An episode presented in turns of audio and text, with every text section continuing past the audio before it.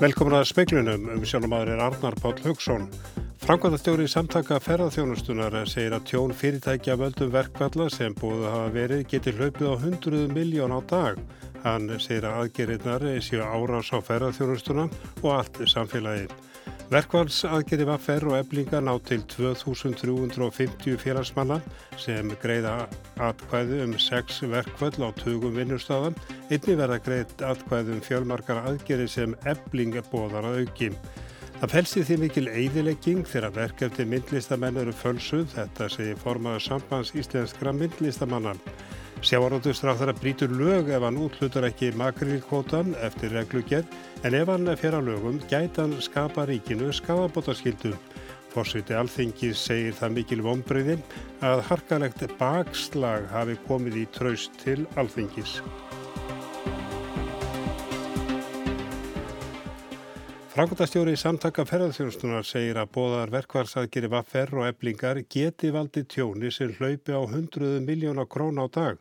Vaffer og ebling stefnaði sex staðbundu verkvallum og ótímabundu verkvalli frá 1. mæ. Aðgerðnar beinast að 40 hótelum og öllum rútufyrirtækjum á félagsvæði félagana. Það er algjörlega ljóst að við getum verið að horfa á beint fjárháslegt tjón hjá viðkomandi fyrirtækjum sem hleypur á jável 100 miljóna á hvert dag. Segir Jóhannes Þór Skúlason að frangundastjóri samtaka ferðarþjónustunar ebling bóðar auk staðbundana verkvalla til ímissa aðgerða sem beinast á hótelunum og hópferða fyrirtækjanum. Með þeim töldum verða einhverja aðgerir alla daga frá 18. mars og fram að 1. mæ þegar ótu tímabundi verkvall á að hefjast. Jónis Þóru talar um árás á samfélagið. Það er engum blöðum um það að fletta að þetta er mjög alvarleg árás á ferðarþjónustuna í heilsinni og þar með vegna tjónsin sem að því mun fylgja fyrir samfélagið allt árás á samfélagið í heilsinni. Þetta var Jónis Þór Skúlason.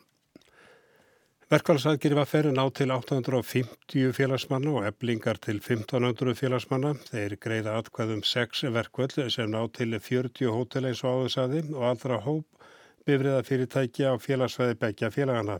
Sólvi Anna Jónsdóttir formar eblingar útilókar ekki að verkvælsaðgerir verði færðar yfir á aðrar atvinnugreinar. Þetta eftir að hafa mjög mikil áhrif, ég meina 1500 manns er náttúrulega stórkslega mikil fjöldi raunverulega og svo þú bæti félagsmönnum vaff erfið mm. um, og svona er þetta náttúrulega til margra um, vinnustada. Mm. Við hérna aftur á móti ákvaðum að láta þetta ná til akkurat þessarar atvinnugreinar og til þessara hérna, atvinnutegundar vegna þess að þarna er bara svo margt sem bjátar á. Þarna, það á svo sannlega við um bara mjög marga félagsmenn sem er meitt mun ekki fyrir verkvall núna. Það er fullt af fólki búið að vera komið til að spyrja þú veist af hverju, af hverju en við ekki líka leiðin í verkvall. Já. Þannig að hérna en, en þeirri spurningi er þá ósvarð um, ennum sinn. Þetta var Solveig Anna Jónsdóttir, formar eblingar og nána veru fjallaðum fyrir verkvallsadgerir síðar í speklinum. Anna Eyjórsdóttir formáður sambands íslenskra myndlistamanna óttast að umfanga málverkafölsunar á Íslandi sem meira en framhauðu komið í fréttum í gæri var greint frá því að hér að saksóknari hafi til skoðunar mál þar sem talið er að málverk eftir stórval hafi verið fölsuð. Upp á tveimur slíkum verkum var stöðvaða mánudag. Sérfræðingu segir að falsanirnar nýjar og óttast að fjölmörg slík verk séu í umferð. En allavega þessar falsanir sem að maður sá í sjónvarpinu bera ekki vitni um neina fagmennsku, hver sem það er. Hvernig er svona hljóðið í, í myndlistarmönnum almennt eftir, eftir þessi tíðindi ger? Það er bara, eh, menn eru bara svona hissa og pyrraðir eiginlega fyrst og fremst. Af því að þetta er náttúrulega verið að eiðalikja þarna möguleika. Það er verið að eiðalikja möguleika á sölu á látnum listamönnum hvaða afleðingar getur þetta haft fyrir eh, myndlistarheimin, markaðinn og kannski arfleð stórval sjálfs? Já, ég myndi segja, mér finnst þetta allt neikvægt. Það er allt neikvægt við þetta. Sumir hafa verið að segja að þetta sé góð ábendingum hvað hann sé eftirsóknarverður og flottur og allt það. En mér finnst þetta alltaf vera eðilegging því þetta er bara svona, þetta er bara lítill hluti. Við vitum ekkit um hvað er meira. Það gæti verið miklu meira í gangi heldur en þetta. Sagði Anna Jórsdóttir í vittali við Jóhann Bjarnar Kolbensson. Fyrirverandi útibústjóri Sparisjóðsins á Suðurlandi var í hérastómi Suðurlands í gær dæmdur í tíu mánuða skilásbundi fangilsi. Hann var dæmdur fyrir að draga sér fjö, ímist af reikningum sjóðsins eða viðskiptavina og leggin á eigin reikninga eða reikninga annara í eigin þáum, samtalsturumlega 9,4 miljónu króna.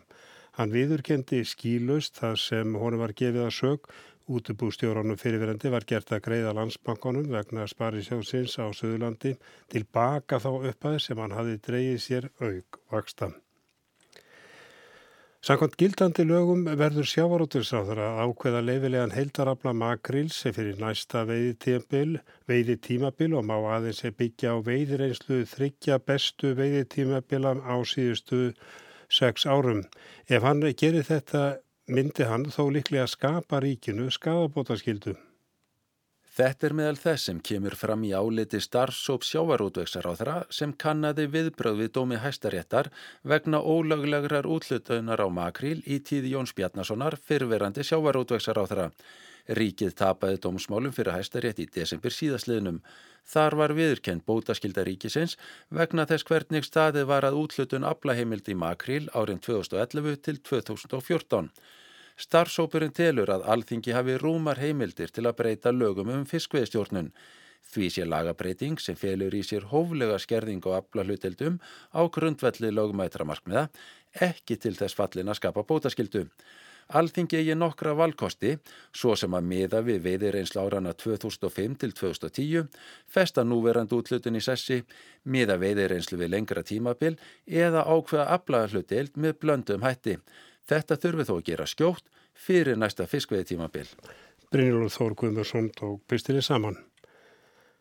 Allsíska óerðalörglan beitti táragassi ódæpilega þegar hún kom í dag í veg fyrir að þúsundir stjórnarnanstæðinga kæmust að stjórnarnáðsbyggingunni í höfuborginni Algersborg. Fólki mótmælti því að Abdul Aziz bóti flinka, fórsiti ætlaði sér að sitja á fórsitastóli eitt kjörnumabili viðbót. Þau eru þegar orðin fjögur. Að sögn frettamanns AFP frettastofunar í Algersborg láð þykkur táragasmökkur yfir í miðborginni með þeim afleðingum að fólk flúði unnvörpum. Einungis nokkur hundruð manns sáu sér fært að halda áfram mótmælum gegn fórsetanum. Talið er að mótmælin í Algersborg hafi verið þau fjölmennestu í Allsýr í meira en áratug. Emt var til Andofsfunda víða annar staðar í Allsýr í dag. Abdul Aziz Bouteflika var fyrst kjörinn fórseti árið 1999 með stuðningi hersins. Hann er orðin 81 árs og heilsuvill, hefur raunar þurft á hjólastólað halda síðan hann fekk hjarta áfall árið 2013. Fórsetin hefur sjaldan sérst á opimberum vettvangi síðustu árin. Tilstóða hann vigði nýja aðalmosku í Algersborgum síðustu helgi. Af því var þó ekki. Fórsetaskrifstofan tilkynnti að hann þyrfti að fara í læknisrannsókn til Sviss. Fórsetakostningar verða í allsýr átjánda april. Líklegt því gerðabúti flíka farið með sigur af holmi. Stjórnaranstæðingar hafa reynd að koma sér saman um frambjóðanda gegn honum en ekki orðið ágengt. Áskýri Tómasson saði frá. Stengrumi og Sigfússon fórseti alþingi segir það mikil vombriði að harkalegt bakslag hafi komið í tröst til alþingis eftir að betur hafi gengið að byggja það upp síðustu ár. Það segir tíðindi þó ekki að öllu leiti koma óvart en það hafi ímislegt komið upp á. Hann er bjarsýtna á að hægt verða að byggja upp tröst á ný ef þingi fái til þess tíma.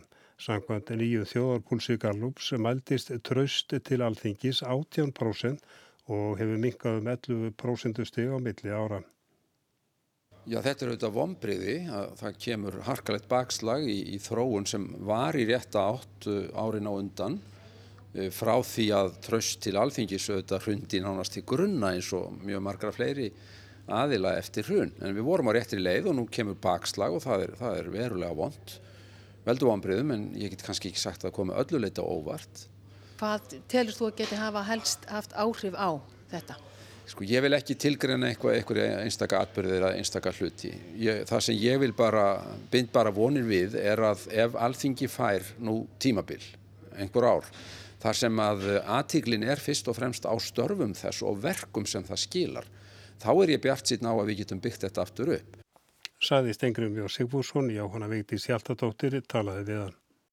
Og þá aftur á kjaramálunum að Vaffer og Ebling búið að sex staðbundi verkvöldi sem munu bitna á 40 hótelum og öllum hóp bifræða fyrirtækjum á félagsvæði félaganatækja. Ebling búið að frekari aðgeri sem munu standa frá 18. mars til 30. apríl. Áallun félagana þýðir að einhvers konar aðgerið verða alla daga frá 18. mars fram að 1. mæ en þá á að hefjast ótímabundin vinnustöðun. Það er algjörlega ljóst að við getum verið að horfa á beint fjárhagslegt tjón hjá viðkomandi fyrirtækjum sem sleipur á jável 100 miljóna á hvert dag. Segir Jóhannes Þór Skúlason, frangandastjóri samtaka ferðarþjónustunar. Þegar að kemur að staðbundum verkvöllum er áallega að aðgeri vaffer og eblingar náðu til 40 hótela og allra rútufyrirtækja á félagsvæði þeirra. Miðar við að atkvæðagreistum ljúkja í síðar en 14. mars. Kosi verður einungis með þeirra félagsmanna sem leggja niður vinnum eða munu hugsalega gera það. Fyrsta verkvallið sem stendur í einn sólarhing á að hefjast 22. mars. Nokkrir dagar líð á milli verkvallana sem standa fram til 25. apríl. Ef ekki verður búið að semja hefst ótímabundi vinnustöðun á sjálfum verkalýsteginum 1. mæ. Nokkru fyrir slást í hópin verkalýsfélagin á Akarnes og Grindavík. Agonesinga hafar þegar tilkynnti félagsmönnum um atkvæðgreislum og það mörgum grindvíkingar gera eftir helgi. Aðgerðina beinast að ferðarþjónustu fyrirtækjanum á þessum svæðum og getum á þess að bláalóni er á félagsvæði verkalýsfélags Grindavíkur. Aug staðbunduna verkvalla bóðar ebling frekari aðgeri sem beinast að sömu hótelanum og rútufyrirtækjanum. Hvað var hann hótelinni snýst málu um að starfsmaður sinni einungi störfum sem eru tilgreint í starfslýsingum.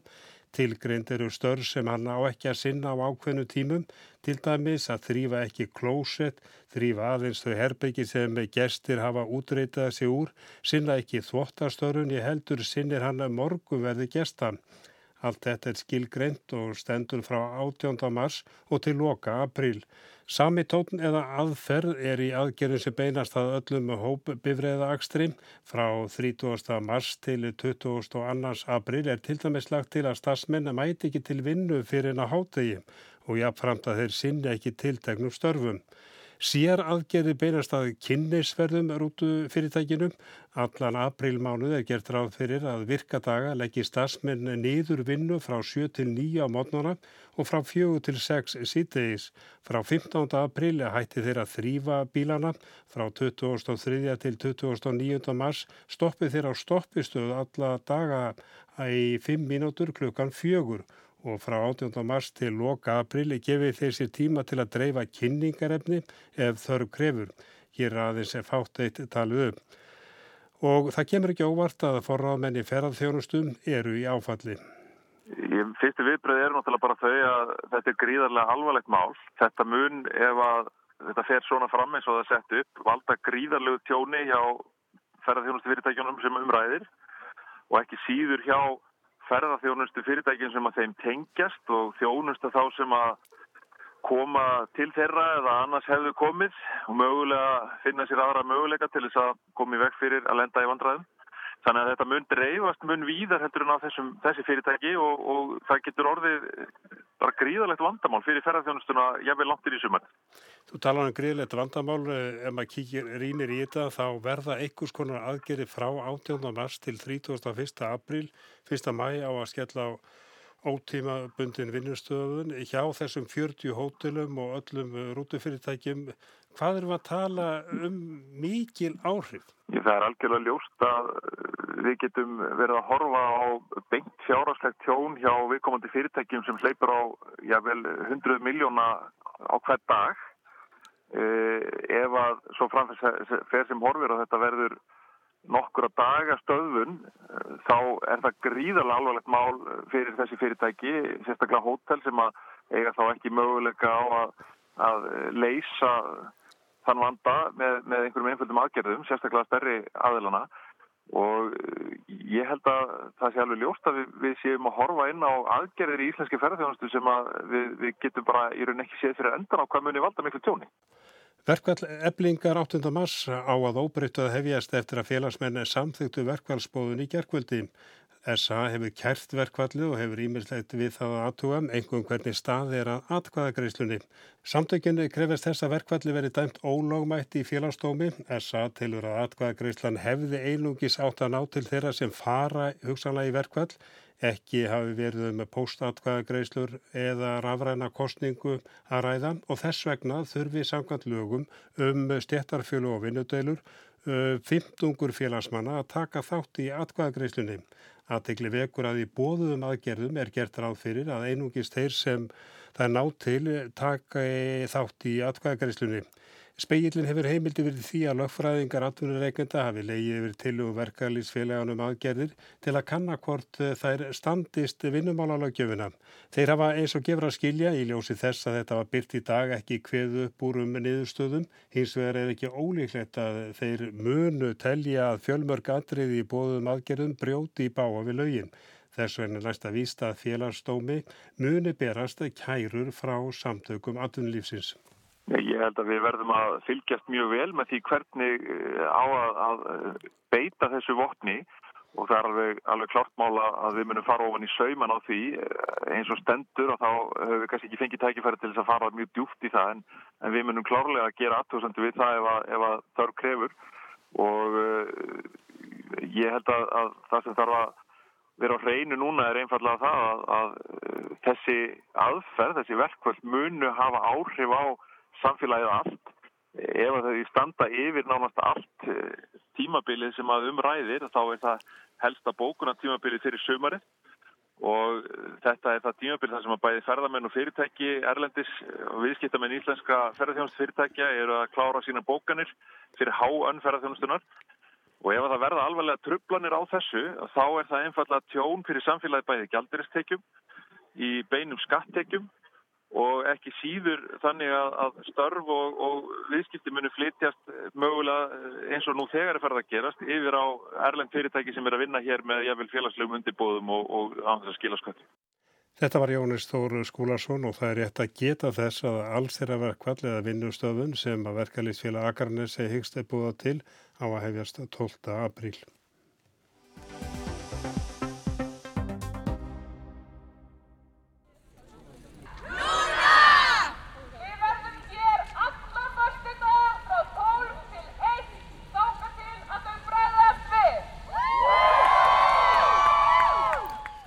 Fólk hefur áhyggjur af lofslags og umhverfismálum og vill að grípi verið til rástafana sem duga til framtíðar.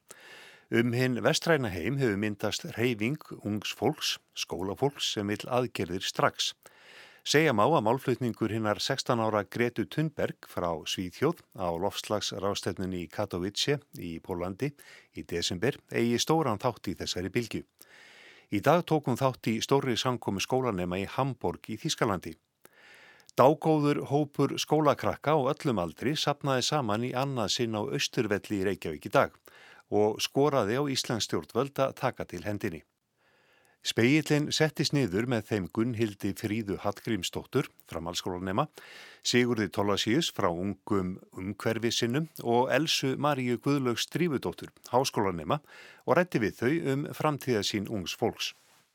Það er nú þannig að það hefur verið svolítið alþjóðleg bylting síðustu mánuði þar sem að ungt fólk og námsmenn hafa uh, tekið upp á því að uh, fara í verkvall vikulega til þess að krefjast aukina aðgerða vegna lofslagsmála og hér á Íslandi þá bara ákvaða við að slást í hópin vegna þess að það er ekki spurning um það við eigum að taka mjög virkan þátt í því hér á landi. Hmm. Gunnildir, er þetta kannski áhrif frá enni Gretu Þumberg? Klárlega og þetta er búin að vera svona mikil vitundavakning í Evrópu og margar borgir og mikið skólum sem eru bara að gangi í hópin, þessum skólum fyrir fjölgandi og þetta er fólk sem fer út á göturnar og sínir stjórnvöldum að þeim er ekki sama um framtíð sína og um hverju sitt. Því að, að skilbóðan sem við erum eiginlega að senda stjórnvöldum er svona ef það verður engin framtíð fyrir okkur af hverju eru við þá að læra? Hver tilgangur nýði að þið ætla ekki að gera neitt? Af hverju eru við þá að undirbúa okkur fyrir framtíð sem verður kannski ekki til Sigurður, er vakning meðal ung fólks sko í alvöru? Já, ég myndi klálega að segja að það væri mikil vakning núna og við finnum mikil meðbyr með þessu og, og e, mörgundru krakkar og, og öllum aldri frá grunnskólum, framhalskólum, háskólum á komið hérna á þetta verkvall með okkur þannig ég myndi segja að það væri mikil vakning gangi. Klálega og það er oft þannig að við fáum kvíða og það ábyrðin er sett á okkur á að við ættum að taka upp vegan lífstil, að við ættum að fá okkur ramagsbíl og svona og jú það er allt bara frábært að við gerum það en þetta er líka stjórnvöld sem þurfa að taka ábyrð. Ég held að verið svolítið þannig að fólk hafi tekið í feigins hendi að fá tækifæri til þess að gera eitthvað. Öll viðbröð sem við hefum fengið er ekki áttin að, nú, ok, gerum það, heldur loksins fáum við að fara út og standa saman og gera eitthvað í þessu og við ætlum að sína að ábyrðin liggur ekki bara hjá einstaklingnum heldur eru stjórnvöld með tæki og tól og lausnir í höndunum og þau þurfa að láta þetta skara skriða núna. Og, og ekki, ekki síður atvinnulífi náttúrulega. Og þetta mál er, er þannig að við unga fólkið, við munum kannski finna mest fyrir afleiðingunum í framtíðin og komandi kynsluður. Þetta mun fara versnandi á ára, töga, á hundraða tímabili. Þannig að þeir sem eru kannski með völdin í dag eða taka ákvörðin í dag eru jáfnvel ekki eins og að fara að finna fyrir þessum mesta þunga af afleggingum þannig að við unga fólkið erum alveg samfærið um að við viljum eiga góða framtíð og við viljum breyðast við núna strax. Finnir þið fyrir einhverju svona uh, beiskju kakvart kynnslóðinni á undan ykkur? Það er náttúrulega ákveðin gremja yfir þessu vegna þess að núna er verið að gefa okkur ónýta aðstöðu til þess að aðtápna okkur í sem er búið að skemma áður en að við fengum tækifæri til þess að gera eitthvað í því. Og þess vegna viljum við fara og við viljum að þeir sem að hafa gert okkur þennan grek taki til hjá sér svo að við getum raunverulega tekið á móti og gert eitthvað annað en að þurfa að þrauka í framtíðinu. Við viljum líka geta notið lífsins. Og það er, er þetta alltaf að koma meiri meiri ljós hversu slemt þetta er en, en það er sjálfsög búið að vita alveg þó nokkuð tíma þannig að og, og fyrst núna er að koma aðgerðarallun sem er fjármögnuð, sem er svona hvað alveg, þó að við myndum að vissulega vilja sjá miklu meira fjármögn. Og þetta er svolítið, sko, stjórnveld hafa lagt fram aðgerðarallun, þau hafa sagst vera að gera eitthvað í þessu, en okkar spurning er í rauninni af hverju er ekki hægt að gera bara meira núna? vegna þess að við erum að segja við erum tilbúin til þess að gera meira núna en við þurfum að fá frumkvæð eitthvað starf annar starf frá, við getum ekki tekið það sjálf. Mm. Hverjar eru skildur Íslandingar kakvart um heiminum í þessum málum? Við Íslandingar státum erum ofta mónt okkur af, af þessari hýtaveituvæðingunni og verum endurleginn til ramag sem er náttúrulega frábært og erum núna að taka orkurskiptin í, í, í samgöngum í gegn. En ef við horfum á kólinsbór Íslandings og tökum neysluna með, alla vöruna sem við neytum og allt sem er flutt inn, að þá eru við með hægsta kólinsbór í heimi eða, eða svo gott sem. Þannig að ábyrgin hjá Íslandingum er mjög rík þó að við þykjumst vera umhverfisvæn oft. Við erum að setja fordæmi fyrir önnur ríki. Við erum með allt sem þarf til þess að gera okkur kóletnislaus. Við settum þetta markmið að vera kóletnislaus fyrir 2050. 2040. 2040 fyrir ekki. Og við viljum sjá aðgerðir til þess að við náum þessi markmiði því að unga fólkið er þetta er það sem það vil. Hmm. Elsa, ertu uh, vongóðum að þetta breytist með ykkar kynslu? Ég þóri rétt að vona að eitthvað muni breytast, heldur betur og ég sé að það er mikil viðleikni til þess að gera eitthvað í þessu. Þú segir með okkar kynnslóð, ég vil eiginlega bara að gerist áður en okkar kynnslóð teku við og ég held að það er það sem þetta snýst um. Þannig að breytingarna sem að ég ætla ætlast til, það er að gerast áður en að kemur að okkur. Og það var Kristján Sigur Jónsson sem talaði við þau Elsu Marju Guðlaug Strífudóttur, Gunnhildi Fríðu Hallgrímsdóttur og Sigur Tólasíus.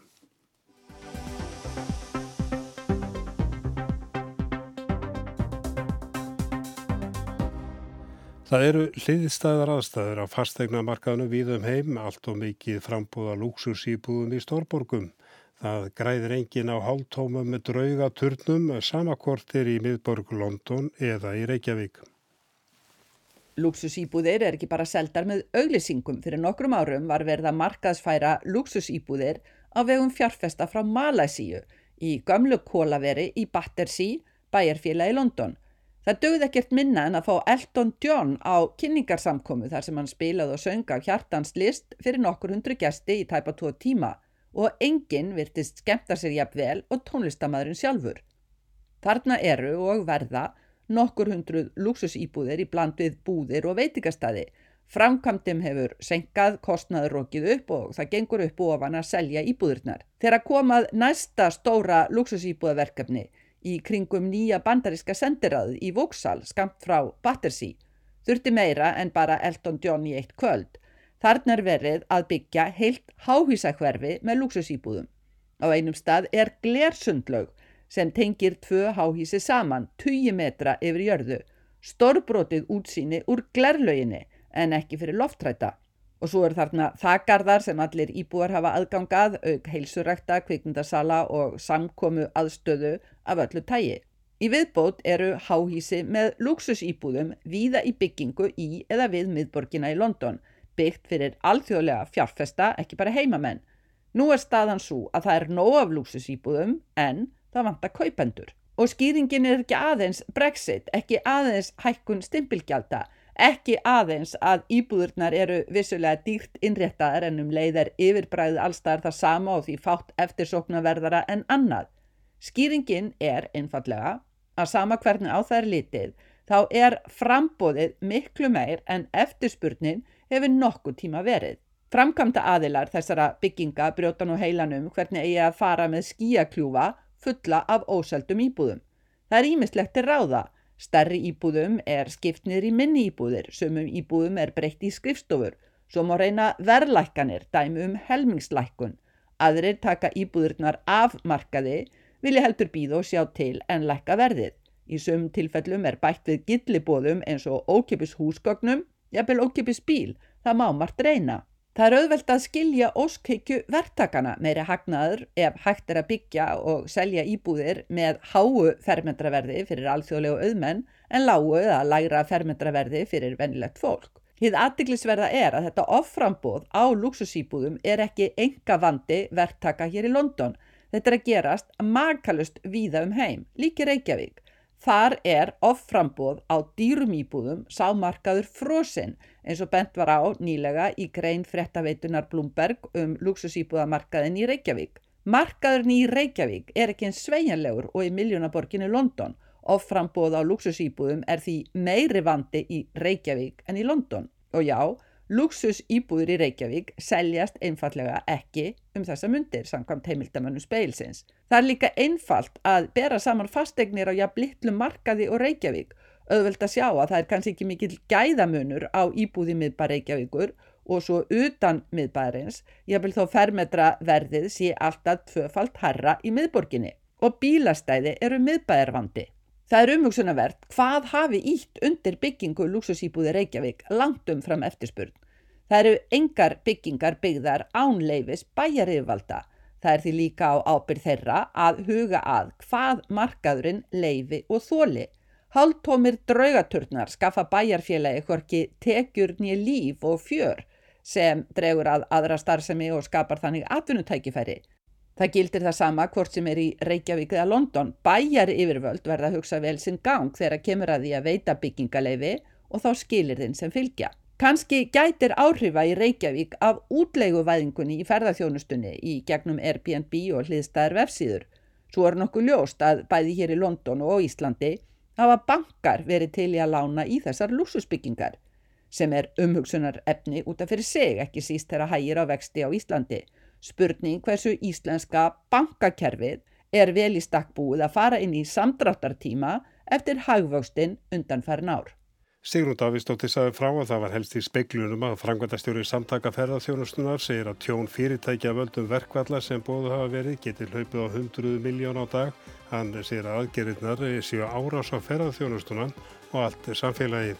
Verkvallsaðgeri var ferð og eblinga ná til 2350 félagsmanna sem greiða atkvæðum 6 verkvall á tugum vinnustöðan. Einnig verða greið atkvæðum fjölmakar aðgeri sem ebling bóðar að ekki. Það felst í því mikil eidilegging þegar verkefni myndlistamenn eru fölsu, þetta segir formaður sambands íslenskra myndlistamanna.